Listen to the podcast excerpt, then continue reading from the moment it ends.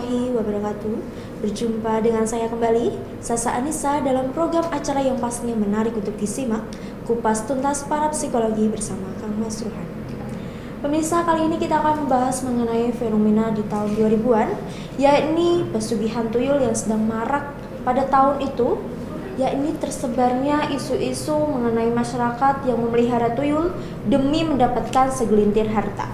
Dan kali ini saya sudah mengundang salah satu pakar yang pastinya ahli di bidangnya yakni Kang Mas Ruhan. Halo Kang Mas. Halo. Oke. Nah, Kang, mengenai pesugihan tuyul kan. Mungkin bisa dijelaskan sendiri apa sih yang dimaksud dengan pesugihan tuyul kan? Ya, di masyarakat apalagi orang Jawa, orang Mhm. Indonesia, bukan orang Jawa juga Kalimantan macam-macam, sering kali mereka mencari yang namanya pesugihan tuyul. Tuyul. Dan paling banyak memang di masyarakat Jawa begitu. Nah, pesugihan tuyul adalah dengan cara orang untuk ingin cepat kaya dengan bantuan makhluk lain yang berupa tuyul. Tuyul itu adalah makhluk yang berupa anak kecil, di mana anak kecil itu bisa disuruh apa pun kan begitu. Oke. Ya, salah satunya diminta untuk mencuri, Mencuri, ya. uang untuk kepada uh, pemilik tuyul. Mhm. Jadi gambarannya adalah orang-orang yang ingin cepat kaya dan memelihara tuh tuyul. Nah, sebenarnya tuh tuyul itu apa sih, Kang? Apakah jelmaan jin ataukah justru uh, ilmu apa namanya makhluk gaib yang lainnya gitu kan? Ya, tuyul adalah sejenis makhluk astral Mhm. berupa jin biasanya yang berusia anak kecil. Berusia anak Anak kecil, kecil. ya, Kang, ya. Jadi anak-anak kecil. Nah, tuyul ini macam-macam. Ada yang jahat, ada yang baik. Hmm. Karena dia anak kecil. Kalau dia semakin dewasa dan dia punya pemahaman baik, maka dia baik. Ya seperti manusia anak kecil. Ada yang suka mencuri, maka dia jalan mencuri. Oke. Ada yang tidak suka mencuri, maka dia mengajarkan untuk tidak Hmm. mencuri. Tapi kebanyakan tuyul-tuyul yang diajak eh, di apa dirawat oleh manusia, mereka yang memang diajak mencuri sebagai pesugihan. Oke. Jenisnya macam-macam, bisa itu tadinya dari apa namanya anaknya jin, Mhm. atau mungkin tadinya dari ruhnya eh, anak yang ma- meninggal dunia, atau eh, anak bayi yang masih di kandungan mau lahir, bisa juga macam-macam.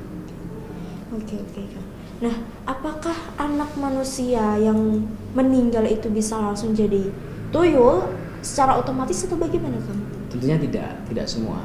Biasanya ya memang eh, anak-anak yang dikorbankan, Anak-anak yang dikorbankan secara tumbal. sengaja, oke. seperti tumbal, Hmm. atau mungkin anak-anak yang memang eh, meninggalnya tidak wajar. Digugurkan mungkin, Kang? Bisa juga. Bisa juga ya. digugurkan. Kadang jadi tuyul. Hmm. Tapi yang paling banyak jenis tuyul yang jahat itu adalah memang jenis tuyul yang anaknya jin. Anak-anak Ya, jin. anak-anak jin. Itu yang biasanya bisa diajak jahat begitu. Hmm. Nah, kemudian siapa saja sih, Kang, yang bisa melakukan pesugihan tuyul? Hampir semua orang bisa asal dia mau resikonya. Dan tentunya di tempat yang yang tepat. Tetapi ya itu tidak kita sarankan Hmm. karena berbahaya, karena beresiko. Hmm. Beresiko karena pesugihan tuyul itu punya resiko dunia akhirat. Oke. Nah, dan siapa pun yang mau melakukan itu ya asal dia mau resikonya memungkinkan bisa tetapi tanggung resikonya sendiri kan Mhm. Nah, kemudian bagaimana sih Kang prosesnya? Apakah kita juga dengan melakukan bertapa ataukah yang lainnya juga? Nah, mungkin bisa dijelaskan proses dari pesugihan tuyul tersebut, Kang? Iya. betul ada orang yang mencari tuyul sendiri Oke. maka dia berproses ke gunung ke gua di mana ada itu tuyul atau jin-jin tuyul yang banyak ya dia melakukan persembahan gitu Hmm. ada juga yang memang mereka beli dari Beli. paranormal atau dari orang pintar yang memang menjual tuh Apakah Kang Mas Ruhan juga menjual tuyul? tidak kalau Enggak saya ya? tidak tidak menyarankan Hanya seperti tertentu ya paranormal ya, Kang ya. Betul. Dan malah kalau di para psikologi kita kita Hmm. tidak memperbolehkan karena resikonya yang sangat tinggi dan kita tidak tidak mengizinkan untuk Hmm. uh, transaksi sebuah tuyul. Karena lebih banyak berdampak negatif ya, Kang ya ya. banyak negatifnya begitu. Nah, mengenai tujuan sendiri apakah hanya untuk mencuri ataukah ada tujuan lain lainnya, Kang? Pastinya orang-orang yang pengen punya tuyul atau yang memiliki tuyul ya pastinya untuk kekayaan. Untuk Nah, kekayaan. kekayaan namanya tuyul nggak bisa kerja kerjanya nyuri ya otomatis mencuri harta orang lain. Hmm. Gitu. Nah, biasanya yang pernah saya dengar nih, Kang, Ya. tuyul itu tidak semuanya mengambil uang, misal satu berangkas itu isinya 1 M gitu kan. Ya. Nah, dia nggak ngambil semuanya, Kang, gitu. Ya, dia mengambilnya hanya beberapa lembar. Gitu. Kenapa itu, Kang? Ya karena kemampuannya segitu. Namanya anak kecil mana mungkin dia bisa Nggak ngambil bisa ngitung semua. gitu Nggak bisa ngitung. Dia ngambilnya satu, dua, tiga lembar. Tapi Tapi, kalau- terus uh, rutin tiap hari kan juga iya. banyak gitu. Tiap hari misalkan satu rumah ngambil dua ratus ribu, tiga ratus ribu, lima ratus ribu. Lah berapa rumah? Hmm. Terus tiap hari. Nah, itu kan.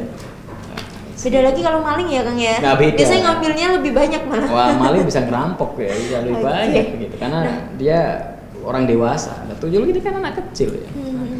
Nah, tadi Kang Mas Rohan bilang bahwa eh, resiko ditanggung sendiri. Iya. Resiko, Kang. Hmm. Apakah ada dampak tersendiri bagi yang memelihara tuyul, Kang? Ya pastinya karma. Karma ya. Ya, akan Selain kembali karma. Ya, jadi bisa saja nanti anak cucunya yang hidupnya sengsara. Oke. Itu kan. Atau dia punya uh, sesuatu penyakit atau mungkin dia juga berisiko meninggal dengan cara yang tidak wajar. Hmm. Itu yang pertama. Yang kedua, resiko di akhirat. Karena itu haram, di akhirat disiksa oleh Tuhan yang Maha Kuasa. Karena apa? Mencuri dan yang diajak mencuri makhluk lain juga pula, gitu kan. Dan dia dengan kaya yang tidak wajar. Nah, itu resikonya dunia akhirat. Tapi bukan berarti orang yang kayak mendadak itu memelihara tuyul ya, Kang ya. Ah, belum tentu juga. Iya, ini yang biasanya terjadi di masyarakat, Kang. Iya. Kebanyakan masyarakat yang tiba-tiba kaya. Nah, kita kan nggak tahu ya, Kang, yang Iya. masyarakat awam nggak mungkin kita tanya. Kekayaannya dari mana? Bisa saja warisan. Tidak harus dengan cara memelihara tuyul pemirsa ya. Nah, betul. itu yang perlu dijelaskan lagi. Nah, Kang mengenai ini, eh, di masyarakat luas ini kan banyak sekali yang mengatakan bahwa orang yang memelihara tuyul itu selalu menyilangkan tangan ke belakang. Iya. Nah, itu apakah benar, Kang? Ya ada beberapa ciri-ciri memang. Kita ini Hmm. tiga ciri-ciri orang yang punya tuyul ya. Mm-mm. Biasanya memang ini ciri-ciri orang Jawa. Dia sukanya memang menyilangkan tangan ke belakang seperti orang menggendong. Hmm. Karena tuyul kan anak kecil ya, dia suka digen, Gendong. Jadi seperti ini menggendong. Gitu. Yang kedua, eh, biasanya si perempuannya atau istrinya atau orang ini yang memelihara tuyul adalah eh, dia nyusu. Jadi seolah-olah menyusu Hmm. karena tuyul ini juga pengen namanya kecil ya Hmm. apa namanya menyusu pengen disusui gitu jadi makanya sering kali eh, dia tidak mau diganggu area-area sini gitu nggak mau diganggu karena untuk Apakah- menyusui eh, tuyul Oke. dan ciri yang lain adalah rumahnya sepi dan Tidak tidak, ada orang yang main ke sana Di- selalu ditutup jadi tidak diizinkan tamu datang dan biasanya salah satu di kamar rumahnya itu ada yang memang ditutup tidak boleh ditempati siapa pun Oke. karena itu tempat pemujaan tuh Tuyul. jadi memang betul-betul dikunci rapat dan tidak boleh Biar ada tidak yang ada orang yang tahu ya, masuk. iya. dan dia tidak suka Banyak orang keramaian itu nggak tidak suka, suka, ya, Kang, anak ya? kecil kan terganggu gitu Mm-mm. jadi sukanya rumahnya ditutup ada kamar yang memang dibuat untuk persembahan. Nah, tadi sedikit ya Kang, apakah mengenai yang menyusui? Mm. Apakah tuyul itu harus menyusu kepada orang yang memelihara ataukah bisa kepada istri yang lainnya, Kang? Iya, salah satunya memang kepada yang bersangkutan. Hmm. Entah yang si perempuannya yang punya atau suami yang punya, Hmm. tapi biasanya kerja sama sama istrinya. Jadi eh, untuk menyusui. Kadang malah memang membeli orang, bayar orang untuk menyusui. Oh, Bisa, gitu ya. karena tuyul juga seperti manusia ya, dia dia anak kecil lah ya. Oke. Ada yang memang syaratnya dia minta disusui oleh asli manusia, ada yang seperti itu. Soalnya gini Kang, ada masyarakat luas yang mengatakan bahwa eh, ada tuyul yang menyusu, tapi ketika terbukti memang tidak tidak sedang melakukan pesugihan tuyul gitu Kang. Nah bisa nggak sih Kang eh, orang tersebut tuh tidak mengetahui dengan jelas siapa yang mempunyai tuyul, tapi beliau ini merasa menyusui tuyul Kang. Ya, itu kemungkinannya kecil. Hmm, Kalau dia tidak kenal kemungkinan kecil. oke. Berarti harusnya memang sudah kenal ya. Ya, Kang, biasanya yang sudah kenal karena eh, kenalnya itu kan anak kecil ya, kadang ada rasa takut juga kalau nggak yang dia kenal begitu. Nah tadi membahas mengenai jual beli tuyul Kang. Ya. Setelah ini kita akan membahas mengenai transaksi tuyul tapi ya setelah ini.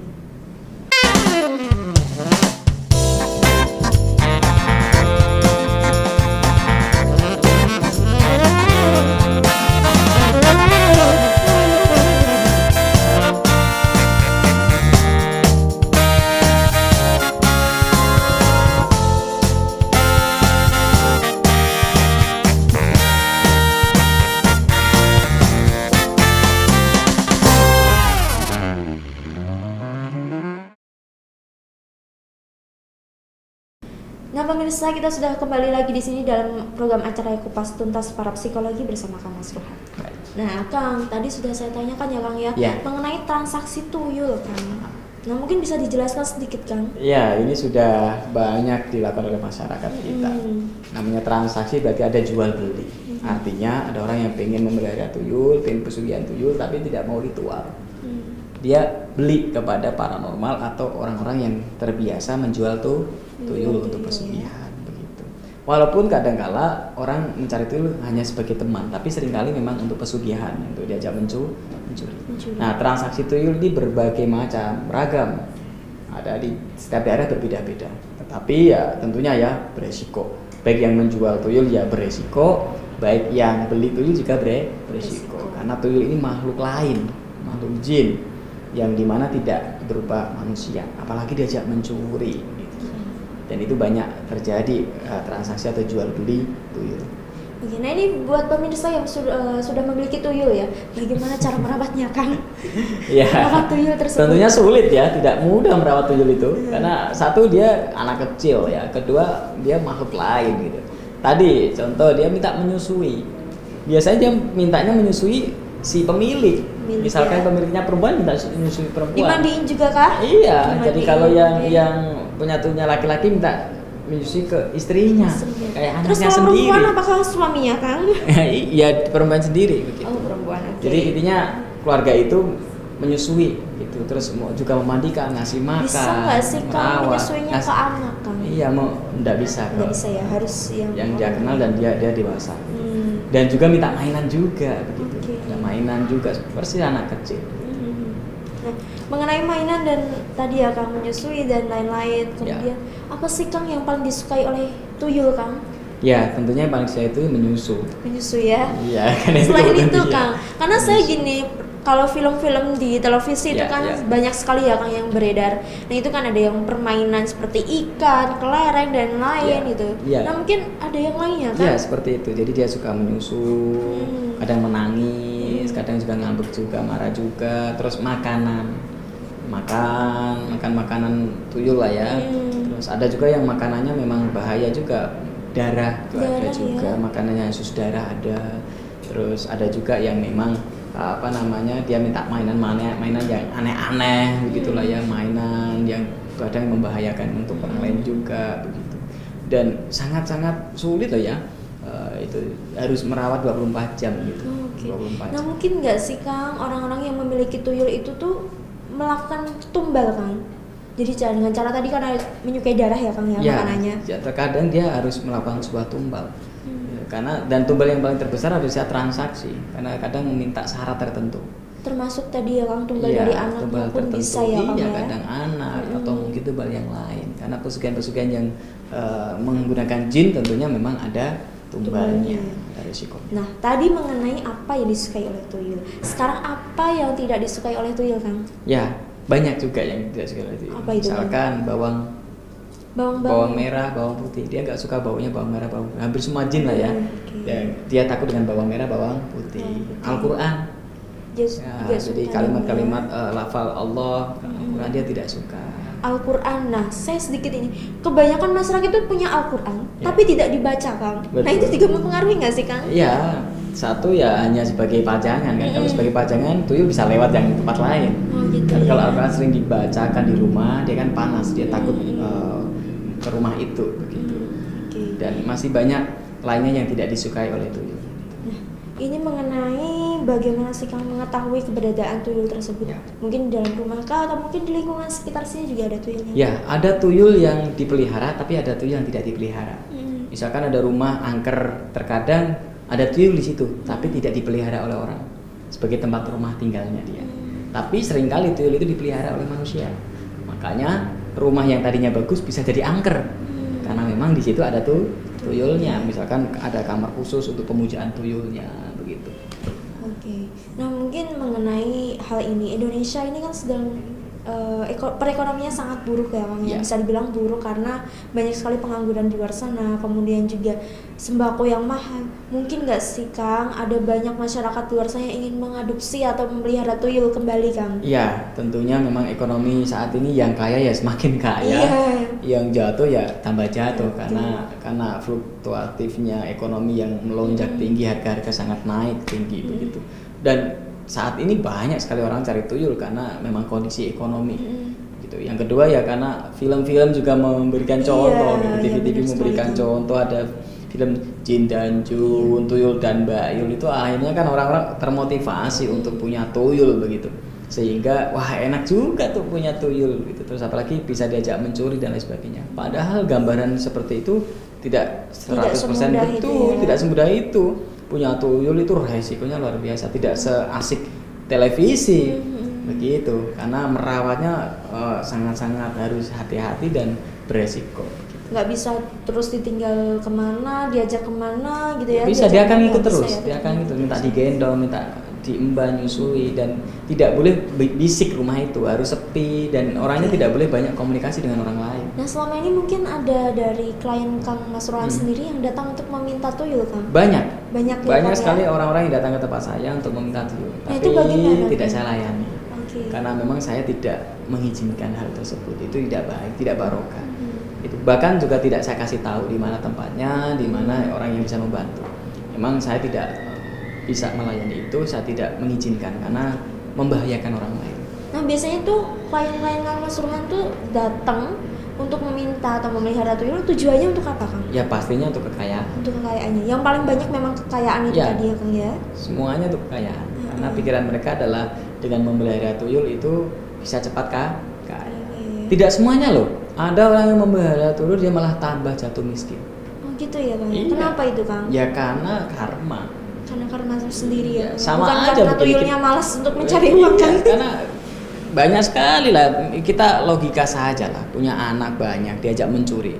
Tapi kalau pengeluarannya lebih banyak Mm-mm. maksiatnya lebih banyak foya-foya jatuh miskin juga. Sama aja ya Kang ya. Iya, dan di akhir endingnya kematiannya menyeramkan. Oh gitu ya ya mengerikan kematiannya itu. Jadi tidak semua orang memelihara tuyul dia langsung kaya. Enggak juga.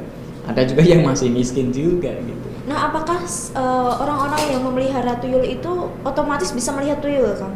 Tapi bukan hanya tuyul yang dia pelihara, tapi juga tuyul-tuyul yang lain. memungkinkan ya Memungkinkan untuk Ya, dia. karena dia sudah transaksi, dia sudah ada pengorbanan, Hmm. dia sudah menggunakan tumbal Hmm. yang bersyarat supaya bisa melihat makhluk tuyul. Hmm. Nah, itu berarti mata batinnya juga sudah terbuka ya, Kang ya? Ya, bisa dikatakan bukan mata batin, tetapi pemahaman atau penglihatan dia tentang tuyul. Oke. Tapi melihat jin yang lain belum tentu bisa. Hmm. Hanya sebatas melihat tuh. Ada yang seperti itu. Hmm. Tapi ada juga yang memang mempunyai kekuatan mata batin sehingga dia bisa melihat makhluk jin, makhluk halus yang lain. ya, Kang. Nah, ini mengenai mata batin, Kang. Bagaimana sih cara kita untuk mengasah mata batin, Kang? Ya, tentunya banyak cara. Ada cara Jawa, tirakat, ya berendam di sungai, di laut, mandi kembang tertentu, terus apa namanya dipendem atau dia mengubur diri, atau dengan cara Islam dikir-dikir khusus, amalan ilmu hikmah, Ma- banyak sekali cara-cara atau amalan-amalan tertentu. Dan yang pasti yang paling sederhana dan paling praktis adalah datang ke paranormal. Iya, kan, Kang? minta bantuan paranormal atau para psikolog untuk belajar ilmu mata batin atau dibukakan mata Mhm. mata batin. Oke, nah pemirsa, siapa yang akan saya ajak ke sini untuk dibukakan mata batinnya setelah yang satu ini?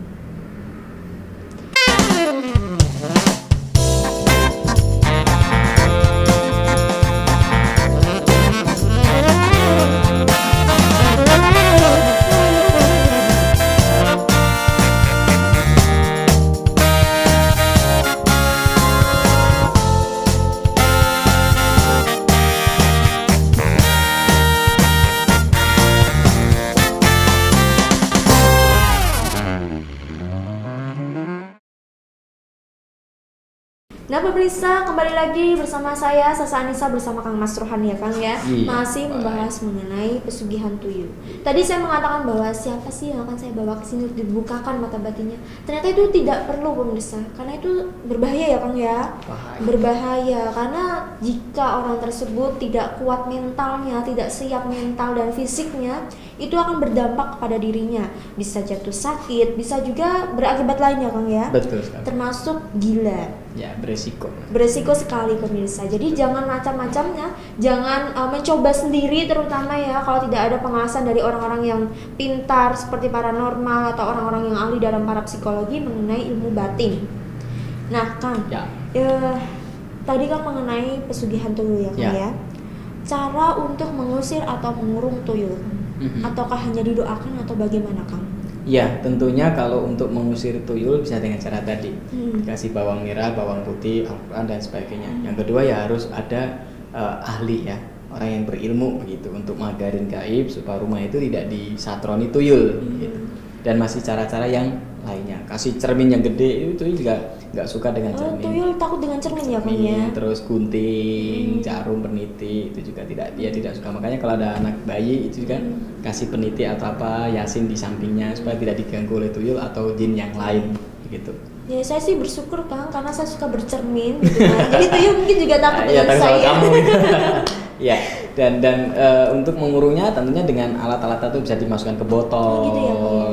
Ke gelas, tapi dengan ilmu ya, dengan ilmu tertentu supaya eh, apa namanya eh, dia bisa ditangkap begitu. Dan yang paling penting ya memang kalau menyimpan uang ya di tempat-tempat yang didoakan begitu, dikasih syarat-syarat tertentu supaya tidak disatroni tuyul begitu. Nah saya juga pernah menemukan seorang teman gitu Kang. Mm-mm. Beliau itu menyimpan uangnya, kemudian dikasih tulisan Arab Kang. Entah itu hanya bacaan Al-Fatihah atau Hmm. kulhu gitu kan. Mm-mm. Apakah itu juga bisa Iya. me- apa, memagari ya Kang? Iya, karena tuyul tidak suka atau takut dia panas ya kalau ada bacaan Quran atau mungkin jimat-jimat tertentu yang anti tuyul atau mungkin tadi kayak eh, kembang-kembang tertentu terus apa semacam bawang merah, bawang putih, terutama bawang yang lanang. Bawang yang lanang. Lanang-lanang itu tunggal, kan bawang itu kan berlapis-lapis tuh. Iya, ada iya. bawang yang satu aja tunggal sih, itu namanya bawang lanang. Oh, Itu gitu. lebih Iya. tidak disukai oleh makhluk Bawang halus. putih itu termasuk Tuhan. Iya, kan ada bawang Oh, gitu putih yang ya? tunggal ya, dia satu aja gitu. Oh gitu Kecil ya. tapi satu itu bawang yang Nah lama. biasanya hanya kah ditaruh di meja atau bagaimana Kang? Ya cukup ditaruh di dekat atau di dengan uang yang disimpannya. Oh, gitu ya. Atau Taruh ada yang dompet ditaruh bisa. atau kadang ditaruh di rangkai itu taruh di pintu, Pintu. atas pintu supaya dia nggak berani masuk, bisa juga seperti itu. Iya iya. Nah tadi kan Kang Mas Rohan bilang bahwa cara mengusir tuyul itu bisa dimasukkan ke dalam botol. Ya, nah itu apakah menangkapnya. Ah, ah, ditaruh di botol itu tidak bisa keluar lagi atau suatu Ya. saat bisa keluar kan? Selama botolnya dipagarin gaib, didoakan khusus ditutup, dia nggak akan bisa keluar. Ya, tapi kalau dibuka orang ya bisa keluar. Asal ya. tutupnya tidak dibuka atau didoakan khusus. Dibuang ke laut lah. Oh gitu ya. Oh pantesan aja film-film yang berada di televisi itu biasanya gitu Seperti ya. Kang, itu, ya, dibuang ke laut memang. Iya iya. Jadi iya. asal tidak dibuka, dia tidak akan. Ah. Nah ini kemudian setelah tuyul itu terusir atau terbuang itu bagaimana Kang? Ya, tentunya dia dibuang ke alam Secara liar. tidak langsung apakah menjadi tu- tuyul yang liar atau kembali kepada si Kalau dia di botol kan dia tidak bisa bergerak apa pun. Hmm. Kayak dikurung. Hmm. Tapi kalau dia hanya dipindahkan, dia bisa liar di luar sana atau bisa diambil orang lain kan begitu. Hmm. Tapi selama dia di botol dia dikurung. Nah kemungkinan besar bisa nggak sih Kang tuyul tersebut kembali kepada si pemelihara atau pemiliknya? Kemungkinan kecil kalau sudah dibuang ya, Tidak karena dia bisa. sudah bisa lupa atau dia di dunia yang lain gitu. Hmm. Ya, atau dirawat oleh orang yang ba Benar, baru. iya. Dan sering kali tuyul itu suka main-main makanya kadang dia dijebak. Hmm. Ya. Nah ngomong-ngomong dijebak Kang, sekalian aja dikasih tahu mengenai bagaimana sih cara untuk menjebak Ya, tuyul Kang? biasanya dikasih mainan yang paling disukai. Salah Apa itu? satunya adalah eh, ini apa namanya yuyu. Tahu yuyu? Yuyu, kepiting. Kepiting kan di laut. Hmm. Yuyu itu yang di sawah. Oh, oh, kenapa itu? Nah, itu taruh aja yuyu di situ. Dia suka mainan itu. Oh malah dia suka ya Suka ya? itu. Jadi kalau kalau dikasih yuyu di rumah Mm-mm.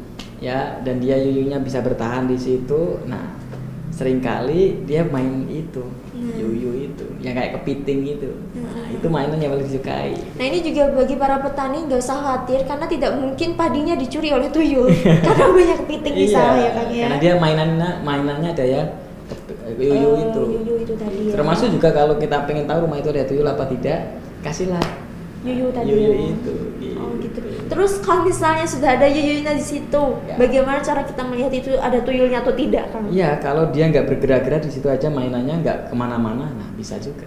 Ah, gitu Yuyu ya? itu kan bisa ke mana-mana lari tuh. Uh-uh. Nah, kalau diajak main kan dia akan di situ, dimainkan di situ kan. Oh, gitu. Gitu. Dan terkadang bisa terlihat. Gitu. Haruskah yuyu ataukah hewan yang lainnya bisa, Kang? Seringkali yuyu yang dipakai. Yang paling disukai ya, Kang ya. Kayak kepiting itu yang di Ikan, sawah. ikan bisa kan? Enggak, dia nggak Nggak suka. bisa ya, nggak suka. Oke. Nah, kemudian agar tidak tertuduh, biasanya masyarakat di sana itu kan lebih banyak menuduh, Hei orang itu tuh kaya karena tuyul, orang tersebut karena memelihara tuyul atau biasanya banyak sekali yang lagi gendong gini kan. Padahal dia cuma pegel atau apa gitu. Biasanya orang Jawa kalau nyapu pun sama kan kan, Ya, ya. taruh tangan di belakang gitu. Nah biar tidak tertuduh itu bagaimana? Ya kalau memang dia orang kaya dan orang bijaksana malah mending ngomong saja. Ya saya punya tuyul gitu. Oh aja. gitu ya kan? Iya. Bisa begitu. Karena kalau orang malah justru eh, bilang enggak enggak enggak bisa saja iya kan? Iya, dan malah ditanya terus. Oh, gitu ya. Bilang aja, iya saya punya tuyul banyak itu di kantor. Hmm. Nah, karyawan itu kan tuyul gitu. Karena menghasilkan uang Iya, kan, menghasilkan ya. uang kan gitu. Tuyul tidak harus ini kan bilangnya, ya punya tuyul banyak itu di kantor ada banyak gitu. Oke. gitu. Kok Makannya nasi semua. gitu. Malah takut sama yuyu. gitu. Oke, nah mengenai pesugihan Kang, pesugihan ditinjau dari sisi mata batin atau di Ya. sisi da- eh, sisi Kebatinan. batin ya. Ya. Nah itu bagaimana Kang? Mungkin bisa Ya, tentunya pesugihan itu kan bukan hanya cara yang salah. Mm, Jin, pesugihan tumbal, tuyul itu kan ke- termasuk jenis pesugihan yang salah. mm, karena beresiko haram juga dan sangat tidak dibenarkan oleh agama kita gitu. Nah, sangat bagus kalau kita menggunakan pesugihan dengan batin atau dengan kekuatan batin. Itu dengan ilmu-ilmu pesugihan yang putih. Amalan dikir pesugihan atau ritual-ritual yang dihalalkan supaya meningkatkan kekayaan atau rezeki atau membuka pintu rezeki yang lebih ba- banyak. Batin maksudnya gimana? Kalau kita wadah rezekinya segini, mm, dikasih eh, apa namanya rezeki satu ember tumpah enggak tumpah. tumpah. Makanya pesugihan batin itu adalah meningkatkan wadah reje rezeki supaya lebih besar. Mm, yang kedua memanggil rezeki supaya dimasukkan ke dalam wadah kita. Supaya tidak tumpah dan supaya penuh dan banyak. Nah seperti ini ini tambah banyak lagi kan begitu. Orang yang wadah rezekinya ini sama ini lebih banyak ini kan seperti itu jadi batin itu bisa memperbesar wadah rezekinya dengan cara ilmu-ilmu batin tertentu misalkan ada amalan pesugihan islami ayat seribu dinar atau ilmu tertentu yang memang disunahkan oleh Rasulullah atau oleh Allah Subhanahu wa taala. Selain itu juga mental. Orang-orang yang bermental kaya, dia lebih mudah kaya karena mau memperbesarkan rasa apa namanya pintu rezeki itu dan wadah rezekinya. Tapi orang yang bermental miskin mau apa aja tetap miskin. mm, Sama. Kalau orang tidak pernah mengamalkan ilmu-ilmu barokah, ya sulit rezekinya. Tapi kalau dia mengamalkan ilmu yang berkah, ilmu amalan yang untuk membangkitkan kekayaan, maka sangat memungkinkan dia kaya dengan batinnya, bukan melalui tuyul atau pesu pesugihan yang haram, tapi pesugihan yang halal, yaitu dengan batinnya. Nah, pemirsa itu tadi perbincangan kita mengenai pesugihan tuyul dan bagaimana cara kita mendapatkan pesugihan yang halal. Satu lagi, Kang, saran bagi masyarakat luas agar tidak terjerat dalam pesugihan yang negatif atau eh, haram tadi ya, Kang ya. Ya, baik. Ya, untuk pemirsa semua tentunya semua orang pengen kaya ya, tapi kalau kita serakah, kita tidak bisa kontrol diri, ya akhirnya terjebak terhadap pesugihan-pesugihan atau kekayaan yang tidak barokah atau justru ada tumbal dan berbahaya. Ya, bolehlah kita punya keinginan untuk lebih, memang itu harus, tapi jangan serakah. Bertahap lalui proses hidup ini dengan cara meningkat perlahan tapi pasti seperti orang Jawa alon-alon waton pelakon yang kedua ya tentunya pilih ilmu-ilmu yang manfaat dan putih amalan, dikir, bimbingan spiritual yang itu tidak melanggar agama jangan sekali-sekali mencoba untuk bertransaksi dengan makhluk lain atau jual beli dengan makhluk astral, jin atau tuyul karena resikonya sangat mengerikan yang pertama tentunya adalah karma yang sangat menakutkan dalam dunia ini. Yang kedua adalah karma di akhirat atau timbal balik nanti di akhirat. Kadang orang mau masuk surga tidak jadi gara-gara dia dimintai pertanggungjawabnya oleh jin atau oleh tuyul. Dan yang paling penting adalah membahayakan keluarga. Kaya itu bisa dilakukan dengan batin, yaitu konsep amal ilmu kekayaan yang halal, ilmu pesugihan yang islami atau yang dibenarkan oleh agama dan juga mental kita tentang kekayaan. Itu yang membuat kita bisa kaya dan terakhir kerja keras, tekun, disiplin, memperbaiki diri untuk menjadi orang yang kaya dengan cara yang berkah dan halal itu jauh lebih baik daripada dengan cara-cara yang tidak dibenarkan oleh hmm. agama kita. Ya, terima kasih Kang Mas Rohan. Kita akan tunggu kedatangannya Kang Mas Rohan Baik. untuk yang episode selanjutnya kan. Iya. Tentunya untuk mengedukasi masyarakat di luar sana bahwa tidak semua para psikologi atau paranormal itu bersikap atau bersifat negatif ya Kang ya. ya Nah, pemirsa itu tadi perbincangan saya bersama Kang Mas Rohan mengenai pesugihan tuyul. Yang pasti kita harus menjaga keimanan kita, perkuat mental kita, tetap bersyukur, beribadah yang pastinya harus ikhlas ya. Dan akhir kata dari saya, Sasa Anissa beserta kru, kerabat petugas yang bekerja pamit.